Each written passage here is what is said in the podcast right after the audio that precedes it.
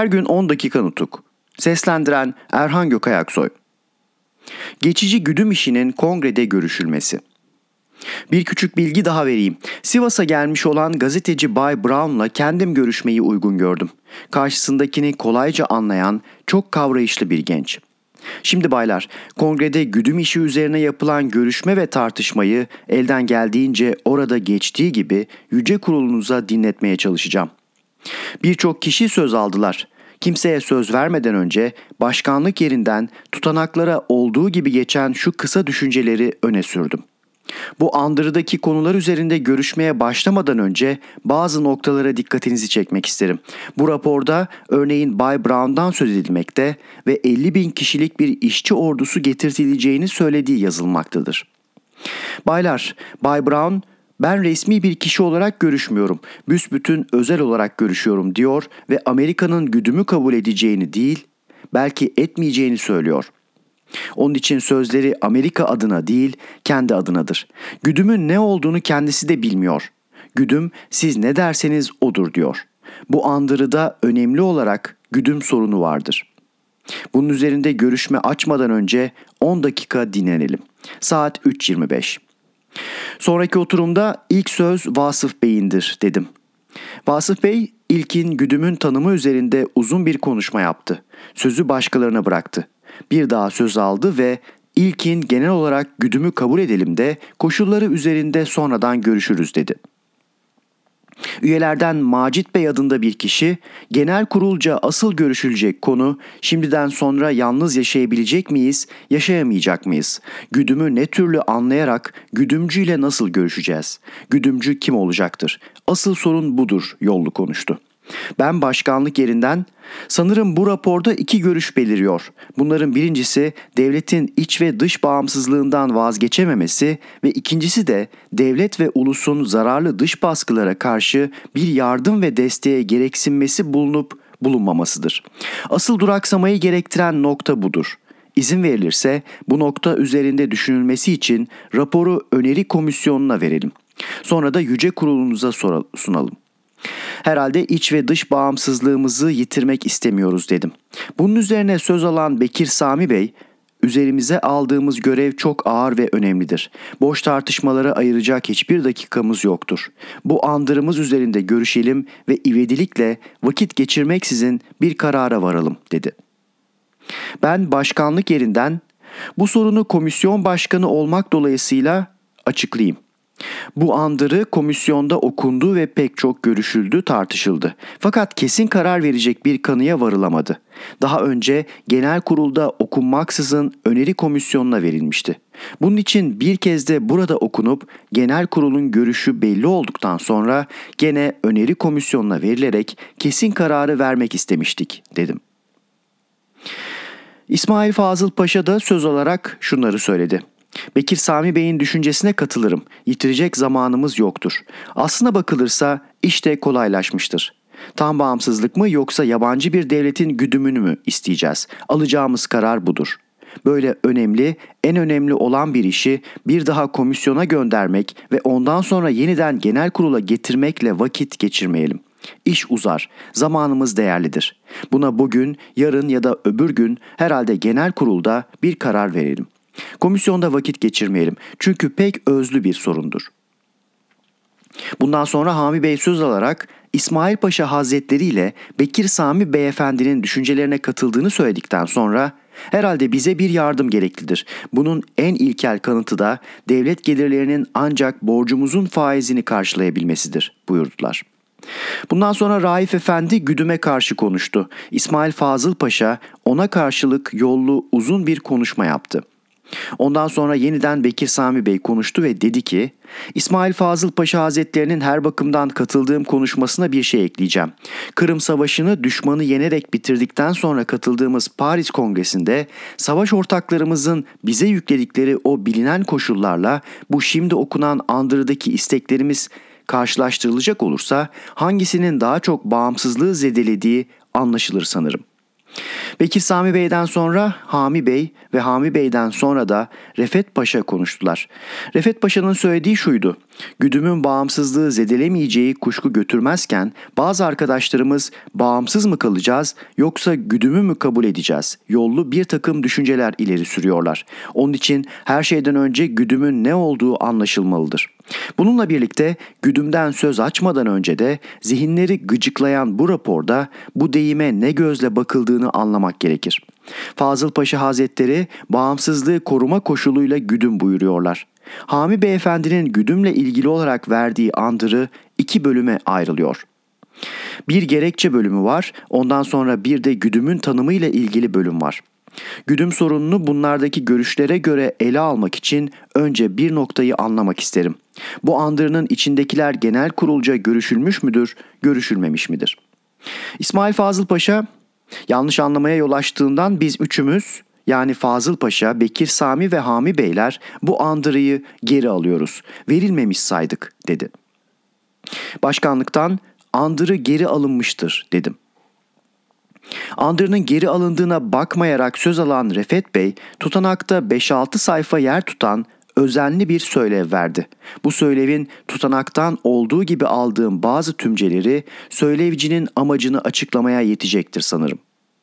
Refet Bey diyordu ki Bizim Amerikan güdümünü ye tutmaktan amacımız bütün toplumları tutsak kılan, yürekleri vicdanları söndüren İngiliz güdümünden kurtulmak, yumuşak ve ulusların vicdanlarına saygı gösteren Amerika'yı kabul etmektir. Yoksa asıl iş para sorunu değildir.'' Söz alarak güdümle bağımsızlık birbirine engel şeyler değildir. Yalnız eğer biz gerçekte güçlü olmazsak işte o zaman güdüm altında eziliriz ve ve o zaman güdüm bizim için bağımsızlığı bozucu olur. Bir de diyelim ki biz içeride ve dışarıda tam bir bağımsızlık isteriz. Ama acaba kendi başımıza yapabilecek miyiz? Yapamayacak mıyız? Ondan önce acaba bizi kendi başımıza bırakacaklar mı, bırakmayacaklar mı? Bunu düşünelim. Şurası kuşku götürmez ki bugün İngiltere, Fransa, İtalya ve Yunanistan bizi paylaşmak istiyorlar. Ama eğer biz bugün bir devletin kefilliği altında bir barış yapacak olursak ileride uygun koşullar altında bulunur bulunmaz hemen döner ve kendi çıkarımızı sağlarız. Ama eğer olumsuz bir durum ortaya çıkacak olursa acaba büsbütün zarar etmiş olmayacak mıyız?'' Herhalde bir Amerika kefilliği kabul etmek zorundayız. 20. yüzyılda 500 milyon lira borcu, yıkık bir ülkesi, pek verimli olmayan bir toprağı ve ancak 10-15 milyon lira geliri olan bir ulus bir dış yardım olmaksızın yaşayamaz. Eğer bundan sonra da bu durumumuzda kalır ve bir dış yardımla kalkınmayacak olursak belki ileride Yunanistan'ın bile saldırılarına karşı kendimizi savunamayız.'' Tanrı korusun eğer İzmir Yunanlılarda kalsa ve aramızda bir savaş açılsa düşmanımız Yunanistan'dan vapurla asker getirecek durumdayken acaba biz Erzurum'dan hangi trenlerle ulaştırmamızı yapabileceğiz? Bundan dolayı Amerikan güdümü her şeyden önce bir kefil ve destek bulmak için gereklidir. Söylevci sözlerini şöyle bitirdi. Eğer bu söylediklerimle gelecek görüşmelere bir başlangıç yapabildimse buna sevinirim. Baylar bu parlak ve ustaca söylevin dinleyenlerin düşünce ve kanıları üzerinde yapabileceği yanıltıcı etkinin ölçüsünü kolaylıkla kavrayabilirsiniz. Bunun ardından gelebilecek olan aynı düşüncedeki söylevcilerin söylevleriyle kongre üyelerinin büsbütün zehirlenmesine meydan vermemek ve özel aydınlatma ve uyarmalara zaman bulabilmek için hemen 10 dakika dinlenelim efendim diyerek oturuma ara verdim. Saat 5.30. Baylar bu söylevin son cümleleri dikkat çekicidir. Refet Beyefendi Yunanlıları İzmir'de geçici sayıyor ve onlarla savaşmakta olduğumuzu kabul etmiyor. Yunanlılar İzmir'de kalırsa ve savaş durumuna girilirse başa çıkamayacağımız kanısında bulunuyor.'' Bundan sonraki oturumda Bursa delegelerinden Ahmet Nuri Bey güdüme karşı uzun bir konuşma yaptı. Hami Bey buna daha uzun bir konuşmayla karşılık verdi ve gerçekten pek uzun olan söylevinin sonlarına doğru konuşmasını şu bilgileri vererek pekiştiriyordu. Ama şimdi biraz da işin kesin bildiğim bir yönünden söz açacağım. İşin bu evresinde ilgili kişiyle kendim görüştüğümden sözlerim yaklaşık değil kesindir. İstanbul'dan ayrılmadan önce eski sadrazam İzzet Paşa Hazretlerini görmeye gitmiştim. Kendileri de kesinlikle bir güdümün bizim için gerekli olduğu kanısındaydılar. Benden de bu konudaki düşüncemi sordular. Ben de düşüncelerimi söyledim. Birkaç gün sonra beni çağırtıp şu sorunu açıkladılar. Suriye ve Adana bölgesinde dolaştıktan sonra İstanbul'a gelip siyasal partilerin görüşlerini öğrenmeye çalışan Amerika Soruşturma Kurulu üyeleri İzzet Paşa'yı konağında ziyaret ederek Anadolu'daki ulusal örgütün Türk ulusunu temsil ettiğine inandıklarını ve Paşa'yı da bu işe ön ayak olan bir kişi olarak bildiklerini söylemişler ve eğer siz Erzurum ve Sivas kongrelerine Amerika'nın güdümünü istetecek olursanız Amerika'da Osmanlı Devleti'nin güdümcülüğünü kabul edecektir demişler. Paşa bunu bana anlattıktan sonra bu ulusun bir savaşa daha gücü kalmadığını ve herhalde böyle bir çare, çareye başvurmak zorunda bulunduğumuzu söyledi. Ve Sivas'a gittiğim zaman oradakilere bu durumu anlatmaklığımı öğütledi. İzzet Paşa da bu yolla istenecek bir güdümün %90 kabul edilebileceği ve yalnız bizim için bir takım koşullar ileri sürmenin zorunlu bulunduğu kanısındadır. Paşa, ulusun isteğine dayanmaksızın Amerika'nın güdümcülüğü kabul edemeyeceğini, kongrece belirtilecek isteğin Avrupa devletlerine karşı Amerika için bir dayanak olacağını bile söyledi. Ben bu sorunu İstanbul'dan şifreyle Erzurum'da Rauf Bey'e bildirdim. Güdümün kendisinden çok adına takılanlar yok yere kaygıya düşüyorlar. Kelimenin önemi yoktur. Önem işin özünde ve niteliğindedir. Güdüm altına girdik demeyelim de isterlerse sonsuza değin yaşayacak devlet olduk diyelim.